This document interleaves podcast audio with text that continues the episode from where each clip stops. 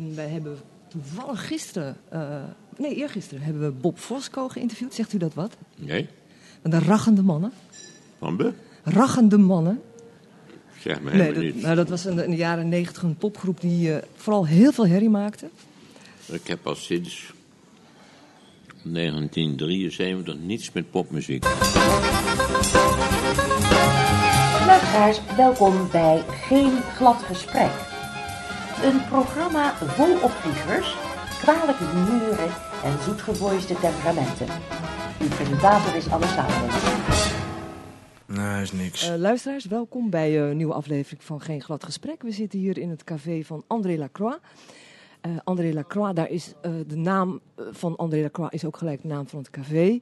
Een mooi oud café op de Overtoom in Amsterdam. Uh, mensen die André Lacroix niet kennen. Hij rijdt Lada's, heeft hij gereden. Nee, is niks. Een Volkswagen Kever. En hij rijdt nu een Mazda 323. Nee, is niks. Dan weet u ook iets meer van de Het uitbater. zijn auto's die hebben een, een kolk in de tank, heb ik wel eens begrepen. Uh, dit is Bob Fosco, want die had ik natuurlijk eigenlijk veel eerder moeten voorstellen. Een, Nou. een, een kolk in de tank. Een kolk in de tank, ja. Wat is een De- kolk nou in ja, de dat- tank? Dat, is, dat is dat je heel, veel, heel vaak bij de pomp moet tanken. De Lada en de Volkswagen, dat zijn, dat zijn slurpers. Heb jij zelf een van die auto's Ik heb gehad? eh, de Volkswagen Kever gehad. Een 1300. Dat werd ik, nou, ik heb hem weg moeten doen omdat ik er arm van werd. En toen was de benzineprijs nog heel, heel redelijk, weet je wel. Maar ja, En nu? Wat rijd je nu, nu we toch over auto's ja een bezig Japanse zijn? dieseltje. Ah, ik zit heel veel in Frankrijk, dus ik, ik moet heel veel heen en weer. Dus dan moet je een voordelige auto hebben die een beetje comfortabel is. En dat is die Japanse diesel bij mij. Oké, oké. Nou goed, dat, dat zullen we je vergeven, althans eventjes. Eh, eh, bij deze dus even voorstellen, we, hebben, ja, we zijn heel blij dat we Bob Fosco hebben weten te strikken. En we hebben ook al meteen gezien dat Fosco een pseudoniem is. Ja, Eh, klopt, is dat een frisdrank? nou nee, het, is, het was in Amerika inderdaad met Fosco met een K, een frisdrank. Ja. Voor de Tweede Wereldoorlog volgens mij. En het is Fosco met een C, dat is de chocoladedrank gemaakt door de firma Korf uit Amsterdam. Oké. Maar die bestaat er heel lang niet meer, volgens mij al 30 jaar niet of zo. En, en, en jij, jij, jij bent naar chocola vernoemd, vind je zelf? Of... Nou ja, eh, ik, ik, eh, het is gebeurd in de periode dat ik... eh, het staat volgens mij ook op Wikipedia. Ik had dat zelf niet eens bedacht, maar iemand heeft het erop gezet. In de periode dat Wim T. Schippers die shows had van Fred Haché... had je inderdaad Lient en zo. En je had... Dr. Boy- Karl-Heinz Lind. Ja, Boy Bensdorp. En volgens mij in die periode ben ik ook een beetje... Toen moest ik een artiestennaam hebben. Dat is in eind jaren zeventig. Ik vind namelijk mijn eigen naam, dat is Geert Timmers, vind ik niet zo tot de verbeelding spreken. Oké. En toen dacht je, ik ga hetzelfde doen als eh Winter Schippers doet. Ik ga mijzelf een chocoladenaam ja, het geeft je ook het comfort van dat je op het moment dat je op die, in die naam wordt aangesproken, gewoon in functie bent.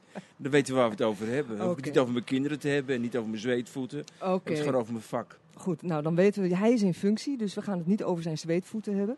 Althans, voor zover hij die dan heeft. Tenzij die chocoladesmaak, is het lekkere chocola eigenlijk? Het was een beetje, een beetje eh, puur chocola. Dus niet echt melk, maar het was een, het was een donkere, eh, kleine do- bruine flesjes met een hele volle chocoladesmaak. Oké, maar niet meer verkrijgbaar neem ik aan. Nee, Maar je hebt het wel geproefd? ja, als kind. Mijn vader verkocht het in de automatiek.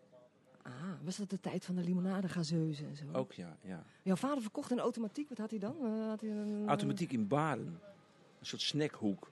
Dus die had, eh, hij verkocht patat en eigen gemaakte kroketten, bami-ballen, nasi-ballen. Frikandellen, ballen gehakt. Kaassoufflés niet, geloof ik. Die, waren, die, die bestonden nog niet. Toen werden er ook nog eh knakworstjes verkocht, hè? Los, gewoon? Los, warme knak- knakworstjes. Oh, in een zakje met mosterd. Oké, ja, ja, dan zijn we ongeveer van weg. dezelfde generatie. Ja. Dat is inderdaad helemaal weg.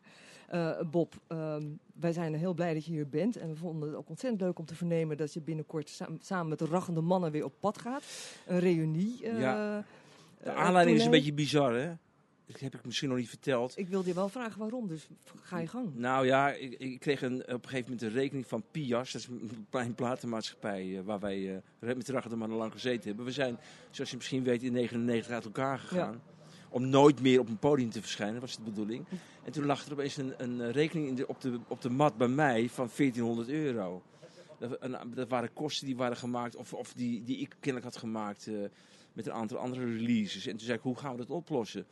Toen stelde ik aan hun voor van, nou ja, dan kunnen jullie het repertoire van de Raggende Mannen digitaal uitbrengen. En eh, wat je daarmee verdient, daarmee los ik dan mijn schuld eh, in. En toen vroegen ze aan me van, eh, dan moet je wel een keertje gaan spelen. Toen zei ik, nou dat was niet de bedoeling. Dan heb ik me toch laten overhalen om één keer in de Melkweg te gaan spelen. Dat was eh 10 april vorig jaar. Ja. Ja, het was zo vervelend. Nee, nee het was heel leuk eigenlijk. na, na, na, na 14 jaar weer een keer op de bühne te staan Oh, met die gasten. Oh, Dus wij hebben dit jaar gebruikt om eh, het nog een keer te doen, keer te doen. Dus we hebben dit jaar uitgeroepen tot onze reunie-tourjaar. Oké, 2014. Oké, oké. nou, ik kom er straks eh, uitgebreid op terug. Ehm, ik, wil je in ieder geval ook introduceren, niet alleen als rachende man en rachende grootvader, had ik begrepen. Je wordt voor de tweede keer grootvader, Ja. schreef je. Ja, ja, de tijd vliegt hè. Ja, ja, je bent zanger, acteur, musicalster, tekstdichter, SP-troubadour, zo noem ik je nog maar eventjes. Oké. En inmiddels is ook beeldend kunstenaar, en daar ook straks meer over. Maar het meest bekend en geliefd en wellicht gehaat ben je natuurlijk als zanger van de Nederlandse band De Rachende Mannen. Ehm, Ik heb overigens nooit echt klachten gehad hoor. Wel eens mensen die zeggen van moet dat nou? Of, nee, eh, nooit klachten, ook niet maar- van buren. Nee, nee. Ik was één keer eh, met de groep Fosco, dat is dan, eh, de groep die na de Ragge Mannen kwam, Ja. bij, de, bij de BRT geweest. En toen had ik een heel leuk interview. En toen was eigenlijk het repertoire al wat milder geworden. Hè? Wat Ja. zachter, maar wel krachtig gezongen. En toen had ik een heel leuk interview met een Belgische presentator. En die zei, na afloop van het programma, toen, toen we uit de lucht waren, zei hij van... Ik vind dit allemaal mooi, maar u, waarom schreeuwt u zo hard? Ja. Ja, Schitterend. Dat kan ook alleen maar een Vlaming, ja, toch? ja. Hé, maar goed, jij hebt eh, teksten geschreven en ik vind het wel leuk om eh, voor de luisteraars die er nog niet helemaal mee bekend zijn, wat titels van nummers op te noemen. ja. Ja, dan begin je natuurlijk meteen met poep in je hoofd. ja. Waar dan vervolgens zal ik jou eens lekker in je bek schijten eh, achteraan komt. Ja. Ik hoorde je een keer zeggen, het ligt er wel aan wat je gegeten hebt, hè? Ja. ja. Ehm, nee is niks, dat is een nummer van 6 seconden. ja, klopt. Ja. En ook had ik begrepen dat dat best wel een hit was, maar dat het geen, niet in de tipparade mocht komen omdat het te kort duurde. Dat is heel flauw. Maar ik bedoel, alle friendkurper in eh, de muziekindustrie worden altijd een beetje aan de zijlijn gehouden. hè. Ja. Het zou een beetje een mooie boel zijn als je met dit soort eh, leuke uitspattingen opeens dan toch... eh, ja, dat is, dat is wat mensen zich heel vaak niet realiseren. Is dat de muziekwereld lijkt een heel spontaan gebeuren. Maar er zit heel veel, zit heel veel industrie en mensen achter die het allemaal proberen te reguleren en in de goede baan te leiden. En met het liedje Nee is niks was het probleem. Het was zeven seconden. Oh, pardon, ik heb een seconde vergeten. Ja, dat maakt niet uit, joh. Het is na één seconde. Hè.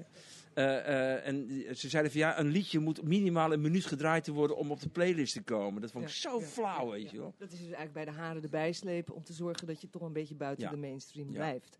Nou ja, ze- eh, het is ook wat mensen willen graag, die willen je graag aan een touwtje hebben. Dat ze een beetje weten van wat, je- wat ze kunnen verwachten. Ja, ja. Als je bijvoorbeeld kijkt naar websites van hele bekende Nederlandse grote artiesten, als bijvoorbeeld Marco Borsato, waar ik toevallig een keertje op terecht kwam. Niets tegen Marco Borsato, maar het is allemaal helemaal, helemaal ingekapseld en helemaal naar de kijker en gebruiker van de website toe gedacht. En, eh, ja, zo zit ik echt niet in Het is, elkaar. het is Dat, meer eh, marketing. We Ja, komen misschien straks nog wel op de titel van een liedje Bloedeloos van, eh, van ja. de Rachende Mannen. Want daar moet ik opeens aan denken. Ik noem nog even een paar titels. Was ik maar doof. ja. En een prachtig liefdesliedje. Ik zag je met een ander. ja, mooi is dat, hè? Eh, kan je daar Uit iets de- over uit vertellen? De, uit de eerste periode is dat. Nou ja, ik, we hebben het opgenomen in Studio Nederland aan de Manningstraat. Eh, ik denk in, ik denk eigenlijk in eh, s- 89 of 1990. En eh, dat was eh, eh, samen met een, an- een nieuwe bassist toen. Dat was dat Michael Pate, die in die periode net eh, uit eh, TC Matic was gestapt. Met Anthony Del Monte, die helaas eh, dit eh, najaar, dit, vorig jaar na, najaar is overleden. En eh, Theo Slachter, de gitarist. Ja, een, een fantastisch lied. Dat is het enige wat ik erover kan zeggen. Ja, het gaat over jaloezie. Ja, Dat mogen ja. duidelijk zijn. Maar het, het, het- het- voor de luisteraars, internet is een bron van vermaak. En Ja. daar kun je dus ook dit soort liedjes vinden. Zeker. En het is zeker een aanrader om eens te gaan kijken, want ik denk dat een ieder zich in dat lied zal herkennen. Eh, ik begin met eh, nog even één, één liedje, dat vond ik ook wel leuk. Daarom heb ik namelijk kauwgom bij, bij me gestoken. Ik vind je leuk, ik vind je aardig en je stinkt uit je bek als een beer uit zijn eh, Ja. reet. Ja, je maakt één foutje, maar je stinkt uit je Ja. bek als een beer uit zijn Ja, reet. oké, oké. Maar, oké. Ja, Ik heb nee, trouwens dat ook is- een visualisatie van gemaakt. Hè? Oh goed, maar daar gaan we het zo meteen Daar gaan we het straks over hebben. Maar eh, ik, ik noem nu wat titels. eh, Ja. Maar die muziek, hè? Dit, en, en jouw zang. Dat, ik, ik noem dat toch maar een soort oerbrulzang. Ja, Is, dat, is dat Nederlandse punk? Is dat jazz? Of is het gewoon vuige, vuige herrie? Nee, nou, nou je, mag het noemen zoals je het wil, maar het is gebaseerd op improvisatie. Want wat we deden was niet van tevoren afspreken wat we zouden gaan spelen. Ik had een tekst en dan zei ik tegen de, de muzikanten van het gaat ongeveer hierover. Heb je een leuk voorstel? En dan eh, zoeken we, zochten we ritme. En daar was meestal de drummer degene die eh, het voortouw moest nemen. En dan eh, sprongen we er met z'n allen in en dan het liefst gelijk met tekst eh, het moment zoeken. Zo Ja. noem ik het zelf. Ja, Je ziet het, het- de chemie en het moment. En eh, eh, ja, in studio kun je dingen altijd knippen, plakken. Dat hoeft bij ons eigenlijk nooit. We, we maakten een basis met de tekst eroverheen geschreeuwd. En dan konden we af en toe wat koortjes toevoegen of wat solo's. En verder ja, hoorde je gewoon eigenlijk onmiddellijk aan het teken of het wel of niet goed was. Het is eigenlijk voortgekomen. Nou, misschien kom het- ik daar straks op. Ja. Wat, jij zegt, het is voortgekomen. Maar ik wil nog eventjes terug op, op, op de soort muziek. Wat mij bijvoorbeeld opvalt, is dat eh, het, het, knalt er lekker, het knalt er lekker in. Ja, het is niet Eh, voorzichtig. maar, jullie maken, maar jullie maken er geen anarchistische bende van. Het is wel heel strak georganiseerd. Ja, maar dat, is- dat komt omdat, het, eh, ja, kijk, eh, omdat we naar elkaar luisteren. Ja. En dat is wat ik bedoel met Ja. het moment zoeken. Ja. Dat is bekend. Ik bedoel, ik wil het er hier niet mee vergelijken. En ik wil ook niet zo eh, brutaal zijn om, om het zelf te vergelijken met een flamenco-gitarist. Maar die zoeken altijd duende. Mhm. Dat is eigenlijk het moment, de liefde, de waarheid. En dat zit in onze muziek, zat, zit dat ook. Eigenlijk is dat de manier van werken die ik, voor mij het meest go- goed werkt. Want ik, eh, als ik dingen ga herhalen te veel, dan worden ze bloedeloos. Bloedeloos, ja. ja. Nu even over die teksten. Hè. Ehm, ik, ik, ik heb meerdere malen de teksten mogen beluisteren. Ik moet daarom lachen. Ik vind het humor. Ik vind het ook poëzie, moet ik eerlijk bekennen. Wat, wat, wat vind je zelf? Het zit er allemaal een beetje in, denk ik. Maar ja, ik, ik, ik heb twee jaar geleden een boekje uitgebracht met alle teksten. Dat heet eh, Blind op mijn ogen. Ja. En als je dat ziet, lijkt, ziet het eruit als poëzie, dat is waar. Maar ja, het mag niet eigenlijk die naam want Ik werk niet zoals dichters dat doen. Die, eh, die, die kunnen de woorden en de beelden zo mooi in elkaar knopen. Ik probeer het ook wel, maar ik schrijf het allemaal heel snel op. En ik ben niet zo heel selectief, dus ik probeer heel veel. Mhm. Dus ik schets veel en eh, gooi ik veel weg. En zo- zoek dan uit eh, wat wel de moeite waard is en wat niet. Ja, ja, Dus ja. ik ben niet zo'n... eh, ik hou wel van taal, maar ik ben niet zo heel literair ingesteld. Maar is, is jouw muziek eigenlijk, eh wat jij zegt, ik heb, ik heb die teksten gebundeld. En stel dat ik dat als een soort poëziebundeltje zou lezen. Is dat eigenlijk ook met de muziek zo? Kijk, als, als ik poëzie lees, dan drie, vier gedichten, dan is het genoeg. Dan zit mijn hoofd vol. Mijn kop is vol. Daar kom ik zo direct ook op. Ja. Eh, dan zit mijn hoofd vol en dan heb ik, hè, dan heb ik de bonbonnetjes eh, gegeten. Is dat met jullie muziek ook zo? Is dat eh, een paar dat- nummers Nou, dat kort is waar, omdat het allemaal op high energy is. Is een concert meestal een half uur tot drie kwartier en dan ben je klaar. Maar ja, dat ben ik met heel veel andere bands ook hoor. Dan denk ik van, gaan ze nog eventjes een, pa- een paar uur door. Ik ga me heel vaak heel erg stierlijk vervelen. Ja, ja. Of het moet echt heel bijzonder zijn. Ik heb het bijvoorbeeld met de eerste concerten die ik van Prince zag. Die waren zo, ja, beyond, hè, eh, om een Engels woord te gebruiken. Zo eh, uitzonderlijk, dat heb ik me nooit verveeld. Dat wordt het een soort trip, zeg maar. Ja. Ja. Hij was ook een artiest die gewoon in die periode, het begin jaren tachtig, toch al begon met het visuele aspect. Ja. Ja. En terwijl Nederlandse muzikanten heel vaak met hun rug naar het publiek wilden staan en heel interessant op een instrument stonden te pielen. En ik dacht van ja, ik vind het niet eh, interessant. Ja, daar kan je de rachende mannen niet van, eh, van betichten. Nee. Ik ga even over op een, een persbericht. Jij zei, eh, Wikipedia kan je eigenlijk wat vinden. En ik heb een, een kostelijk persbericht ge- ge- aangetroffen. Dat was in 1999 dat jullie stopten. Ja, En dat, dat, dat persbericht wil ik toch wel even citeren. Ehm, het publiek was er al jaren klaar mee. De rachende mannen, nu godzijdank ook. Uitgekankerd. De koek is op. De cirkel is rond. Het schip is gezonken. Het clubcircuit en de radio zijn verlost van een groep die altijd op leuke momenten de sfeer wisten te verzieken. Verder blijft de vrees bestaan dat er aan de satellietprojecten van met name de zwaar overschatte Fosco nog lang geen einde is gekomen. Einde persbericht. Even over die rachende mannen straks verder. Ehm kijk, daar zit een satellietprojecten. kern- Kijk, er zit, er zit een Ja. kern van waarheid in. Want ik weet, eh, ik ken het eh, inmiddels omdat ik al zo lang in die wereld meedraai, heel veel muziekjournalisten. En er zijn er een aantal geweest die dat eigenlijk no- nooit echt serieus hebben willen nemen. Omdat eh, popmuziek in Nederland is ook best wel een serieuze zaak. Dus, het, het element waar ik mijn energie uit put, wat dingen als Monty Python, eh, nou ik hou van absurdistische dingen en zo. Dat heeft, heeft in Nederland, eh, buiten dan mensen als Winter Schippers, nooit echt eh, grote bloei gehad.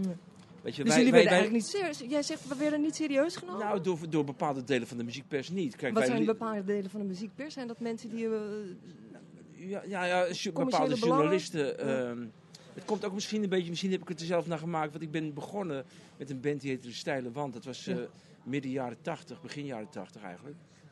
Ja, en dat was eigenlijk eh, een, een slap aftreksel van De Dijk en Toontje Lager, dat soort eh, shit. En ik had zoiets van, ja, ik wilde gewoon muziek maken. Dat was voor mij belangrijk. ja, maar jij schrijft, zegt ook ergens in een inter- interview... we wilden wel eh, veel succes hebben en we, we maakten eigenlijk muziek die mensen behaagde. Ja, En, ja dat, dat ging me zo de keel uithangen. Ja. Want iedereen ging zich ook tegen, tegen ons aan bemoeien hoe we het zouden moeten doen. Ja. Toen dacht ik van ja, dat is wat ik bedoel. Kijk, een heel deel van de muziekindustrie is behoorlijk geïnstitutionaliseerd. En die willen alles aan touwtjes hebben. Daar wil, ik, daar wil ik eigenlijk heb ik nooit bij willen horen, als ik heel eerlijk ben hoor. Oké, ik kom straks terug op die rachende mannen nogmaals. Want ik wil je eventjes... eh, die satellietprojecten, Ja. hoe is het daarmee? Ja, die lopen nog steeds wel door. Kan je er een paar Het is voorbeelden van een noemen? lager pitje. Kan je er wat Nou ja, ik doe van altijd voetballiedjes. Of ik heb een keer een, eh, een liedje over wielrennen gemaakt. Ik heb een, eh, een project gedaan. Het heet, eh, misschien kennen de mensen dat wel, Hakkenbar. Gabbertje. Dat waren allemaal dingetjes. Dat waren van die commerciële uitstapjes. Niet bewust commercieel, maar veel meer re- reagerend op een, Aha. op een moment in de, in, in, in, de, in de samenleving of in de muziek. toen wij met Gabbertje begonnen, dat was midden jaren 90, 5, 96. Eh, toen waren de gabbers die weer een soort van fenomeen. Dat waren mensen in, eh in trainingspak met kale koppen die pillen slikten en in hallen stonden te hakken. Dus ik had, en toen zei een vriend van mij, regisseur Benjamin Lanshoff, die zei van je moet die gast in de gaten houden. Dat wordt een fenomeen, let op mijn woorden. Dus eh, hij heeft toen een, een serie gemaakt voor de VPRO, dat heette Er Was Eens. En toen heeft hij een, een van die afleveringen heette De Nieuwe Aussie van de Gabber gemaakt. En eh, toen ben ik spelende wijs gaan denken met het idee van... Ik wilde ook iets doen met, het- met het melodietje van, van Zwiebertje. En toen ben ik op, eigenlijk via Zwiebertje en dat, dat idee van die Gabber eh, op Gabbertje gekomen. Heel simpel, maar het werd, werd een hele grote hit. Dus Voor, dat de, is voor, de luisteraars, hij zit te stralen nu. Ja, Ehm, het was heel leuk.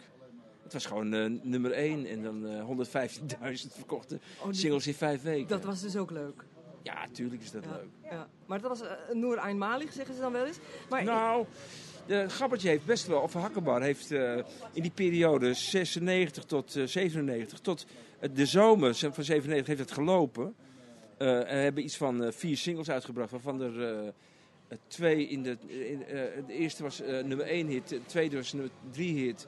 En de vierde was volgens mij, werd, werd 14e in de hitparade.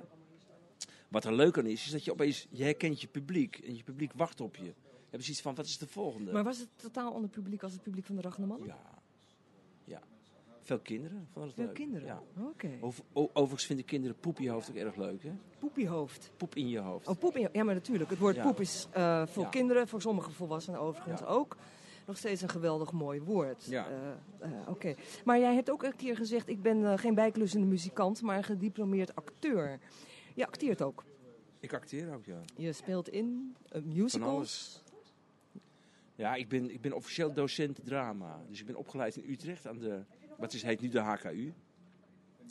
Daar heb ik nog les gehad van Teunke Houwer, zeg altijd niet zonder enige trots. Want eh, dat is degene die mij elementair toneel heeft gegeven, twee jaar lang. Eh, ja, kijk, ik ben docent drama, tenminste zo ben ik opgeleid. Maar ik heb vanaf mijn, eh, eh, de opleiding, waarin je ook leert acteren en eh, mensen leert lesgeven, Mm. eh, le- eh, leert les te geven, Mm. eh, inspelen, heb ik altijd gespeeld, geacteerd. Ja. Ja. Ja. ik ben bekend geworden met Raggen de Mannen. Net zoals Huub van der Lubbe. Veel mensen weten dat volgens mij niet eens. Huub van der Lubbe is ook eigenlijk, ik meen, docent drama. Maar die heeft ook op de theaterschool gezeten. En die speelt nu ook af en toe wel eens een beetje. Ja, ja. Ik ben het eigenlijk altijd blijven doen. Ja. Maar het imago... eh, eh, er zijn natuurlijk heel veel acteurs en actrices in Nederland. Eh, gigantisch veel, want ik zit vaak in series. En dan kom je toch wel weer bekenden tegen. Maar er zijn er gewoon heel veel. ja. ja. En ja... Ja, je hebt ook de rol van eh, Doolittle in My Fair Lady, las ik. Ja, En, en, en, en ik had het idee dat je niet, eh, dat je toch ook wel een klein beetje trots bent dat je op in een eh, toneelstuk staat dat heet Ontspoord van de toneelmakerij. Nou, dat is niet helemaal zonder reden, want het was echt een succesvolle voorstelling. Ja, En wij, wij staan geloof ik op de longlist voor, een, voor de theaterprijs. kijk. Het was een hele leuke voorstelling met muziek. Ja. eh, met eh, Frederik Spicht, met eh Miral Polat Ja. en, an- en anderen. Een, een hele goede band ook. Dus dat was ontzettend leuk om te doen. Helaas een beetje weinig. Het zijn 40 voorstellingen. Ik had er eh, ik had de dubbele wel willen spelen. Oké, dus het, Ja, het loopt allemaal een beetje ja, terug in de theaterwereld. Dat is algemeen bekend. Maar je bent op zijn minst gezegd te veelzijdig. En je hebt- nu ook eigen werk, beeldende kunst. Wat je binnenkort gaat exposeren. En Ja. wat je doorgezaagde liedjes eh, gaat Nou, noemen. Ik noem ze nu uitgezaagde liedjes. Je noemt ze nu uitgezaagd. Straks was het nog doorgezaagd. En een paar dagen geleden was het gezaagd. Ja, gezaagd. Nee, nee, gezaagd. Maar, Ah, oké. maar het maakt niet uit. We komen daar straks op, dan kun je ze nog even laten zien. Ja. Ehm, maar in datzelfde persbericht hè, staat ook de zwaar overschatte Fosco. Nou neem ik aan dat je het, het bericht zelf geschreven hebt. Maar ja. als we het dan toch over overschatting hebben, ben je het daar eigenlijk mee eens? Ik ga mijn eigen gang. Maar er wordt heel vaak, kijk, eh, het is natuurlijk ook, ik heb het zelf ook. Als ik naar mensen kijk die heel eh, veel dingen, verschillende dingen door elkaar heen doen, denk je van ja, eh, van, kan- dat zei mijn moeder heeft me ervoor voor gewaarschuwd. Die zei van, je moet, je moet, een schone onderbroek je moet- als je van huis gaat. Ja, je kan dat- een ongeluk krijgen. en die zei van, Ja. je moet je specialiseren in iets, je kunt niet alles goed doen. En ik moet zeggen, ik ben in de gelukkige omstandigheid dat ik met, met, met, met de dingen die ik leuk vind Ja. en vond en vind, altijd mijn geld heb kunnen verdienen. Ja, dus ja, het ja. is, eh Maar is het leven voor jou ook een spel? Want je doet zoveel verschillende dingen. Is, is het een spel of zit er ook een, nou, een, spel, een, een nee. aspect van competitie in? Nou, het valt mij altijd op dat, eh, dat mensen die veel verschillende dingen doen, dat met veel plezier doen. En dat spelenderwijs, zeg maar. Ik ben niet competitief ingesteld, dat helemaal nee, niet. helemaal niet. Ik hou gewoon van leuke dingen doen. En ik ben een beetje lui, dat helpt ook nog wel. Ik doe graag leuke dingen. Je- Je bent een beetje lui. Ja, dat, eh, ja ik geef er nooit aan toe eigenlijk. Maar, Ik eh, wou net zeggen, eh, het lijkt wel Ik ben alsof geen je daar tegen workaholic. vecht. Nee, nee. dat ben ik zeker niet. nee. Die ken ik namelijk ook, workaholics, die heel erg moeten. Maar ik vind het heel leuk om bepaalde dingen te doen. Ik bedoel, dat schilderen, of dat, dat zagen en schilderen wat ik nu doe, daar ben ik eh, eh, eh, anderhalf... eh, hallo. Daar ben ik anderhalf jaar geleden wat intensiever mee, mee doorgegaan. Want ik, ik doe het al een jaar of dertig. Eh, en dat komt... De, de, de oorsprong daarvan ligt in het feit dat ik... als kind al wel, wel handig en creatief was met, eh, met, met, met spullen. Maar ik ben toen terechtgekomen eh, eh, via mijn ouders die een winkel hadden in Baren. Een, een, snackbar in, op de etaleurschool. Want ze vonden een creatief kind, die moet zijn geld kunnen verdienen. En wat was dan het meest voor de hand liggend? Dat was de etaleurschool. Dus daar leerde ik een beetje met vormen en kleuren omgaan. En zo, op die manier ben ik daar mee doorgegaan. En ik, dat heb ik al die jaren een beetje op een laag pitje gedaan. Zo nu en dan leuke surprises maken voor vrienden en bekenden. En eh, werkjes eh, die ik dan eh, cadeau deed aan, aan vrienden of vriendinnetjes of weet ik veel. En toen zei Vera, Vera, daar ben ik al iets van 35 jaar mee. Hoe lang? 35 jaar. 35? Ja, Oké. dat is de moeder van mijn drie kinderen. Die zei van, waarom ga je niet een keer een, een, collectie maken? Om te kijken van wat dat oplevert. En het leuke is, ik ben nu anderhalf jaar aan het werk. En eh, eh, mijn huis puilt nog niet uit, maar eh, de plekken op de wand die, die zijn schaars aan het worden. Dat ik me er ook in ga bekwamen. Ik krijg meer techniek en leuke ideeën. Het ontwikkelt zich. Ja. Het zijn werken die, die ik maak ze van, van multiplex en van die schilders dan met, met acryl. En het zijn de verbeeldingen van songtitels. Ja, oké, daar komen we zo direct op. Ja, Ehm, nou, het, het klinkt in mijn oren, maar misschien omdat ik een vrouw ben, heel speels allemaal. Vrouwen zijn soms wat serieuzer. Hè? Het, het klinkt heel speels, maar zijn er ook dingen waar je door geplaagd wordt? Is Van, nou, onrecht. onrecht. Ja. In de brede zin van het woord of onrecht wat jou Nou, wordt met name aangedaan? politiek eh, en, en, en eh, gewoon die dingen in de wereld. Dat zijn dingen die me, waar ik wel een deel van mijn drijfveer uit eh, ontwikkeld heb. Dingen die niet eerlijk zijn, die niet kloppen. En die mensen op de televisie lopen recht te praten. Daar krijg, krijg ik echt... eh, No- Noem eens één kort voorbeeld voordat we. eh, we gaan nog even de po- politieke hoek niet in, maar noem eens een kort voorbeeld van onrecht. ik, zou- ik, ik weet niet of de mensen zich erover hebben maakt. Dat was dat, dat, dat Alexander Pechtold met zijn stalen gezicht zei dat Nederland meer dan overtuigend heeft gekozen voor een Verenigd Europa. Ja, we zitten één dag na de Europese Ja. verkiezingen. Ja, precies. Dan denk ik van nou ja, waar haal je het vandaan, weet je? Dat vind ik, dat, dat vind ik bijna demagogisch om Maar dat, is, te zeggen. dat, dat, dat zou dan meer richting de leugen gaan dan het onrecht. Ja, precies. Je hebt gelijk. Dat is, eh, maar de onrecht, dat, ik denk dat, dat een deel van mijn rechtvaardigheidsgevoel ontstaan is. Dat, ik er een heel, dat had ik als kind ook al, weet je wel. Ik kon het niet hebben als kinderen onterecht in de klas terecht werden gewezen. Had ik zoiets van, hij deed dat dan? niet, dat deed Ja. een ander. Nou, bijvoorbeeld de hele situatie toen ik adolescent of jong was in Vietnam. daar kreeg ik toch wel iets van mee. Dat vond ik eh, behoorlijk afschuwelijk. Je hebt het nu over de Vietnamoorlog of Ja. was jij jong in Vietnam? Nee, of, of de oorlog Ja, daar. ja, wat ik mee kon pakken in... eh, ik was ook als kind eh, een beetje betrokken bij eh het medisch comité Vietnam. Weet je wel, wel een beetje in de, in de, in de periferie hoor. Dus een beetje in de, in de zijlijn. Maar ik kreeg er wel dingen van mee.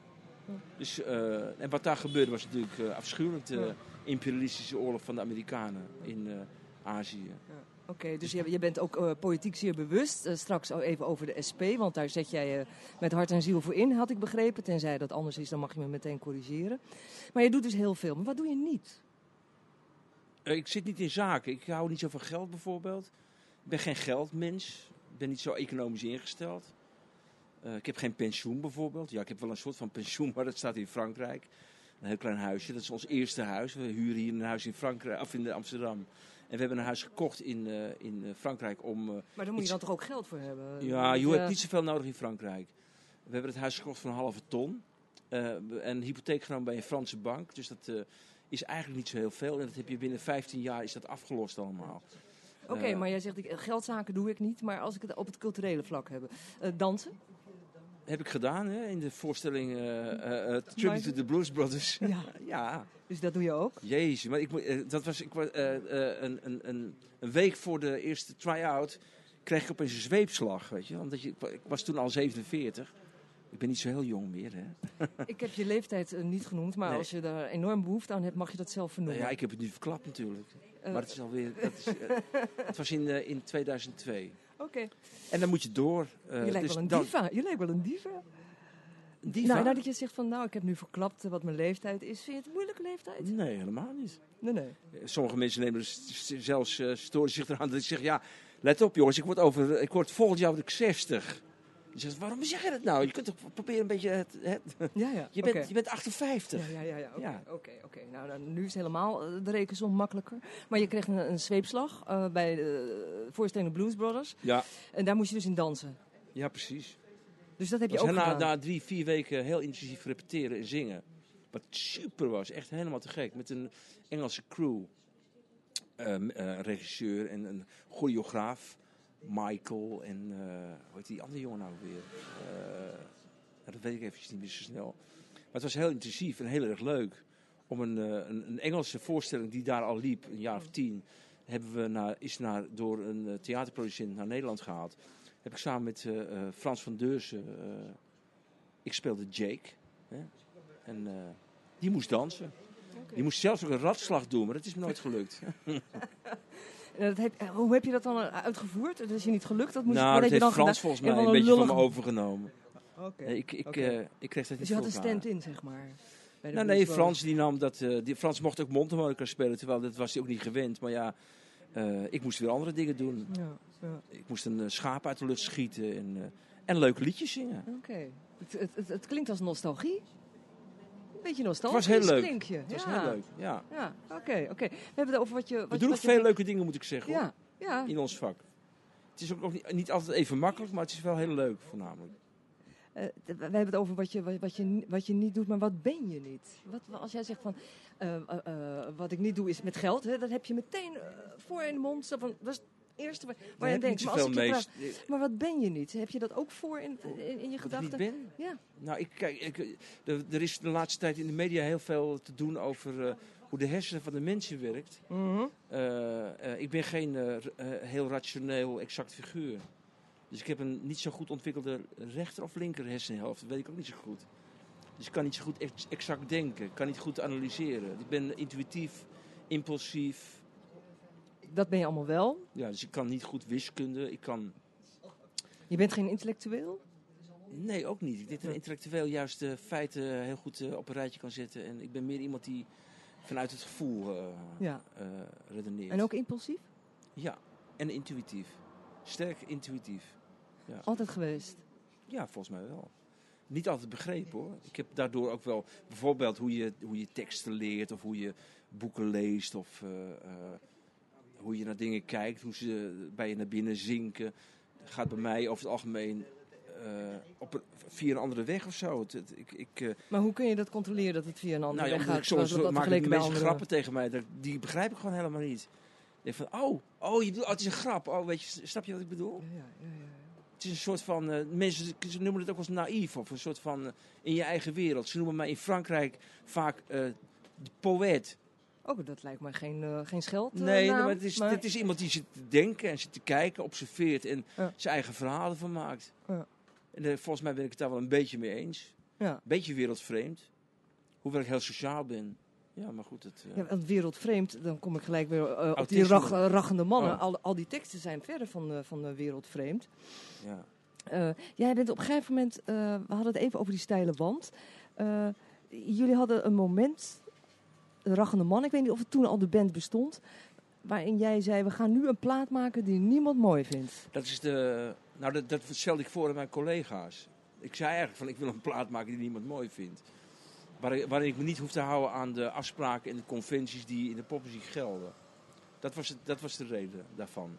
En het was een beetje eh, brutaal gezegd. Een beetje eh, uit de pols, hoe moet je zeggen, uit de heup geschoten. Ja, dat, eh, dat, dat, dat leverde wel wat op. Want eh, we hoefden ons nergens aan te houden. Maar was En dat ook weer uit opeens- intuïtie? Was dat ook weer uit intuïtie? Sorry dat ik je onderbreek. Dat je dacht, ik doe nu iets waar, waar, waar, waar ik me niet happy Ik had bij helemaal voel. geen geen zin om me aan de regels te houden. Dat was eigenlijk wat er Ja. gebeurde. En ik had zoiets van, die regels die beperken me heel erg in de, de mogelijkheden. En toen we met het raggen begonnen, toen ging eigenlijk binnen één of twee se- sessies, ging de, de schatkamer open, of de snoepwinkel. Want we konden doen wat we wilden, wilden en eh, het was allemaal de moeite waard. Het was al helemaal van ons. Maar is dat toeval dat jij dat had en de andere bandleden ook? Want ik kan me ook Nou, voorstellen... die andere bandleden die hadden er helemaal geen zin in, dus die moest ik echt overhalen. De, de eerste bassist die zei van, die belde me de avond na die sessie op. Die zei van ja, het zal wel succesvol worden, maar ik stopte mee. Ik ben nu al depressief.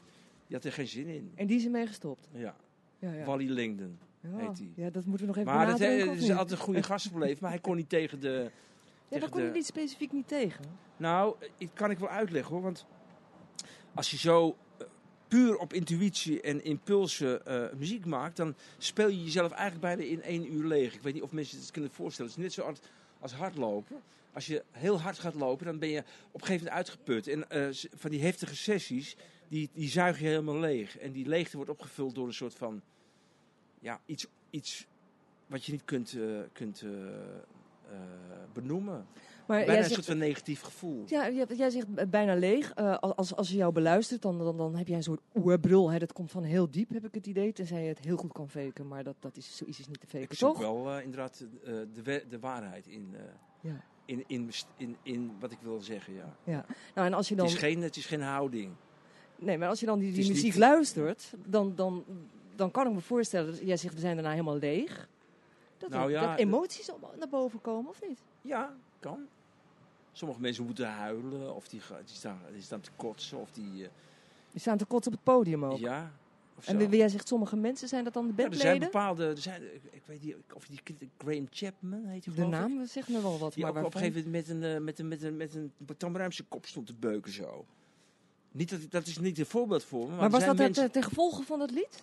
Nee, gewoon eh, op zoek naar de grens, op zoek naar. eh, eh, ja, ik weet het niet. Misschien was het aanstellerij. Ik, weet, ik heb geen idee. Ik Mm. heb het voor mijn gevoel heb ik met de Raggende Mannen me nooit aangesteld. Ik heb wel eh, geprobeerd om de. Om de eh, wij wilden nooit ook te veel op het publiek spelen, want dan wordt het namelijk een kunstje. Dus je moet proberen om het publiek eigenlijk een beetje uit je optreden te houden. Dus je moet wel heel erg op zoek naar de energie en de, en, en de, de chemie. Ja. Maar je moet, dat doe je niet om het publiek tevreden te stellen. Dus ik had heel vaak, eh, net als andere muzikanten eh, in de band, het gevoel van ja, wat we stonden te doen, dat sloeg echt helemaal nergens op.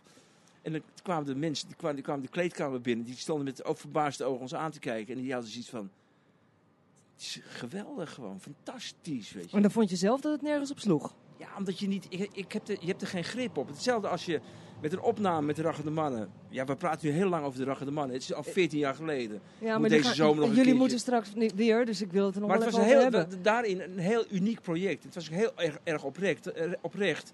En daarom heb ik me ook wel gestoord aan mensen die, die het, het, eh, dachten dat het fake was. Dat was het helemaal niet. Nee, dat was het niet. Maar eh, er- er werd ook wel gezegd van, eh, dat het een soort uiten was van woede en ergernissen. Klopt dat? Ja hoor. Toch wel. Ja, in de teksten wel, zeker. Ja, ja, ja, ja. Daar zocht ik het een beetje Ja. op. Maar luchtte het ook op, hè? Want je zegt van, nou ja, goed, daarna was een soort leegte. Lucht het op voor jou persoonlijk, Nou ja, hè? kijk, als je gaat, bij opnamesessies is het nog steeds. We hebben deze, die, in, hier in januari hebben we hier in Amsterdam een, een sessie gedaan. Merk je dat er een bepaald moment op een opnamedag is, meestal maar een half uur of een uur maximaal, waarin de concentratie zo gefocust is dat je bijna pakt wat je nodig hebt. Als je begrijpt wat ik bedoel. Eh, eh, je zoekt heel lang. Je zoekt naar de energie, je zoekt naar het juiste moment. Eh, en mijn ervaring is na al die jaren, als je op die manier muziek maakt, dan Mhm. vindt het plaats in een bepaald moment van de sessie. Dan is alles goed, weet je. Dan staan alle neuzen dezelfde kant op. En dan ga je eten en dan krijg komt, er komt er niks meer. Of dan ga je drinken, weet ik veel. Dat, eh. Dus het is een heel gefocust, intens moment waarin je de, eh, eh, de, de, de, de beste dingen vindt. En dat hoor je, want wij moeten dus, we, we, we spelen dan heel intensief van half zes tot half acht. Toen eten, daarna weer de studio in. En je merkt gewoon dat tussen, tussen half zeven en half acht is het, is het eigenlijk gewoon gebeurd. Dat hoor je aan de muziek. Weet je, je hoort dat daar is het het meest interessante. En, en- en wat gebeurt er eh, daarna? Jij zegt, daar is het meest Nou, interessant. dan ga je door, want je denkt van ja, we, kunnen het, we zullen het toch nog niet al hebben. Dus dan ga je door, zoeken, Mm. ploeteren. eh, en eh, ja, soms komt er nog wel wat leuks of zo. Maar meestal is het meest interessante. We hebben nu trouwens een heel mooi liedje opgenomen. Het heet De Poepraper. Dat gaat over mensen die met een, een zak, met een, met een koude hand, zo'n warme hondendrol in een zak stoppen. Dat is het onderwerp van het liedje. Maar dat moet het geloof ik iedereen die een hond heeft. Ja, eh, tegenwoordig dat zijn de nieuwe regels hè? Ja, in ons ja, schone ja. Nederland. Ja, ja. En, en, en beschrijf je daarin dan de warmte die je voelt door het zakje heen? Ja, Of, liefde eh, is een strontzak. Ja. liefde is een De, de, liefdevolle, de liefdevolle hand van de poepraper. Ja, ja. Nee, maar dan gaat het dus niet alleen over blinde woede die jullie uiten, maar ook over emoties. Emoties zeker, ja. Nee, het is niet alleen blinde woede, nee. nee. Als ik je die indruk gaf, dan... eh, Nee, ik daarvoor mijn verontschuldigingen aanbieden? Nee, nee, nee, nee, liever niet. maar eh, je, wordt je er zelf wel eens heel emotioneel van, als van zo'n optreden? nee. Nee. niet. Nee, ik zit niet, eh, die, mijn emotie zit meer in de ontroering. Niet in woede of... het is wel zo, omdat je op een podium... ik, ik zou me alleen kunnen voorstellen dat ik moet, zou moeten huilen van bijvoorbeeld als ik eh, op mijn bek ga bijvoorbeeld. Ik kan me herinneren dat eh, Theo Slachter, die, eh, we, we- we hadden het tweede concert in de grote zaal op de Noorderslag in 92, dat hij uitgleed over een glad parketpodium. Eh, het was helemaal nat gegooid met bier. Ja, en dan val je. Weet je, ik heb het ook op video gezien, dat hij echt even de lucht in gaat en het knaats op de, op de grond terecht kwam. Dus, dus emotie is niet. het is meer. Ja, dat je, het heerlijk is om te voelen dat je het er gewoon uit mag gooien. Ja, als ik. eh, eh, de ontroering of eh, ja, schoonheid, dat, dat, dat beroert me meer. Als het gaat om tranen, Hm. is het meer schoonheid en. ja, verdriet. Ja, ik weet het niet. Nee, met Rachterman heb je geen tijd voor verdriet. Het is gewoon, ga met die banaan. En het is ook zo voorbij. Het is, we spelen meestal maar een half uur, drie kwartier maximaal. Nou, je zei net dat, dat, eh, zonder al te veel op dat verdriet door te willen gaan, maar nog één vraag daarover. eh, dat je daarna echt wel leeg kan zijn. Ja, vooral met de opnames. Hè. Eh, oh, met- niet, met- niet, niet na een concert? Ja, ook wel, maar het is het meer de fysieke input die je erin hebt gegeven. Want qua stem en qua...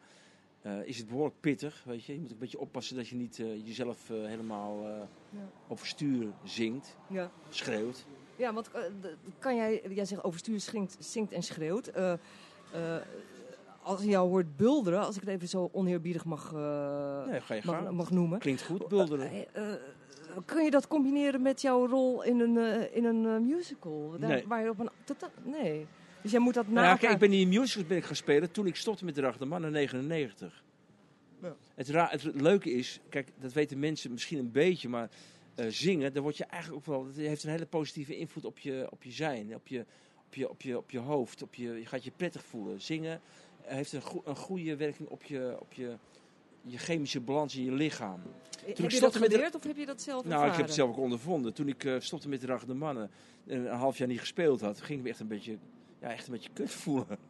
Ben ik naar de dokter gegaan en die constateerde hoge bloeddruk. Wat is er met u aan de hand? Stress of weet ik veel. Dus het is een heel goed middel om eh, je stress kwijt te raken. Ja, dus ook een uitlaatklep is Ja. het zeker ook. Ja. Ja, ja. Ja, goed, ik stopte dus met de Ragende Mannen en eh, eh, ik moest wat anders gaan doen. Ik had zoiets van, ja, ik moet toch een soort van verdienmodel in mijn leven houden. ik heb tenslotte de Geld verantwoordelijkheid rol, over, Ja. ik heb de verantwoordelijkheid over drie opgroeiende kinderen. Mijn, mijn vrouw werkt als eh, video-editor en ik moest ook mijn steentje bijdragen. Dus ik, eh, ik ben, dacht van, nou, ik heb de stap gezet in, in het muziektheater. Niet zo heel bewust hoor, want eh, Want het Ik klinkt werd bijna gevraagd. als een excuus hoor. Het klinkt bijna als een ja, excuus. omdat ik ben er ook later achter gekomen. Kijk, op het moment dat je in een musical gaat spelen, hoe leuk het ook kan zijn en hoe eervol. Ja, je bent toch in dienst van eh, een bedrijf en van een regisseur die bepaalt wat je gaat doen. Ja. Dus je laat een klein beetje dat hele vrije laat je achter De regie, de intuïtie, de impulsiviteit. Ja. nou, Dus- dat is dus heel veel eigenlijk. Dat is behoorlijk veel. Dus ik heb dat bijna twaalf jaar gedaan. Ik heb daarnaast ook wel heel veel andere eigen projecten gedaan hoor. Blijven doen altijd. Onder andere de groep Fosco, waarmee we twee albums hebben opgenomen in eh, Frankrijk. En ook heel wat concerten hebben gedaan. Maar ja, ik ben daarnaast gewoon inderdaad in dienst getreden bij een aantal eh, eh, musicals en eh, toneelvoorstellingen. Ja, en het is, zeker als het met zingen is, is het heel leuk. Als het alleen acteren is en ja, dan botst dat ook wel. Want ik ben natuurlijk ook niet een typische, ik ben niet de typische acteur. Ik ben niet, ik kom niet Ben, uit ben je wel een typische raggende man? Ik denk wel dat je dat kunt zeggen, ja. Wat is een typische raggende man? Wat voor eigenschappen heeft hij? Nou, dat is, eh, dat is eh, je moet eh, dat is durven improviseren met het mes op de keel voor duizenden mensen gewoon een nieuw liedje maken. En dan vol gas en vol overtuiging erin. Dat is rachen. Rachen is, het is heel moedig. Dat is gewoon in het openbaar je broek laten zakken. En dan gewoon scheid en alles hebben en gaan. Want ik wil je eigenlijk ten slot van het programma vragen, wil je nog ergens op terugkomen? Maar ik geloof dat dat hem is, hè? Ja, volgens mij wel. Ja. Ik hoop dat ik eh, de luisteraars kan, eh, kan verblijden met een bezoek eh, aan een concert van de Rachende Mannen. Nou, dat was het periode. allerlaatste. Wanneer- waar- kunnen wij een lijst op de, de website zetten? Of wil je zelf zeggen wanneer en waar jullie te beluisteren Nou, zijn? even kijken. Ik, ik kan zeggen dat wij 29 mei staan in Arnhem, in Luxor. Eh, 12 eh, juni staan we in Vera. Ja, ja, concertzaal Vera in Groningen. Eh, even uit mijn hoofd eh, staan wij 26 juni in Haarlem. En daartussenin zit nog een concert. eh, even denken hoor. Oh ja, in Rotown. 22 juni in Rotown, Rotterdam. En hopen jullie dan die 1400 euro, wat was het, 1400 euro? Ja, daar die zijn wel volgens mij een mee- beetje ingelopen, ja. Ja, dat, Ja. Gaat dan, dat, gaat, dat gaat dan wel lukken. Ja. Oké, ik wil je hartelijk danken. Oh, nog even de expositie. Want je gaat wel jouw doorgezaagde, afgezaagde, eh, Uitgezaagde. uitgezaagde, eh, Ik heb hem wel wat aangehaald, hè? afgezaagde, de, de rest van de kroeg. Zijn er nog... Roep Eh, maar. het idee, er is nog Waar? geen datum bekend, maar het, eh, de expositie gaat, eh, als alles goed is bij Leven en Welzijn, plaatsvinden in het Volkshotel. Dat is het nieuwe hotel aan de Wieboudstraat. Dat gaat 27 juni aanstaande open. Oké, die en- expositie. nee, nee, dan gaat het, Het hotel, hotel open, en de Ja, expositie is gepland eind september, begin oktober. En is het werk te koop? Ja, Oké, goed. Nou, dankjewel uh, Bob. Uh, Graag gedaan. Je kunt ook nog op de website de lijst uh, bekijken van de optredens van de Rachende Ja. Mannen. Want dat was natuurlijk toch wel de grootste aanleiding van dit gesprek. Ik wil ook de kroegeigenaar en zijn dochter bedanken, zijn dochter Hanna. Die hier even de honneurs heeft waargenomen. Omdat de kroegeigenaar er vandoor is met zijn Mazda 323, als ik het goed begrepen Met heb. een kolk in de tank. Met een kolk in de tank, dus dat kan misschien nog wel even duren. Wij gaan hier een biertje drinken. Bedankt.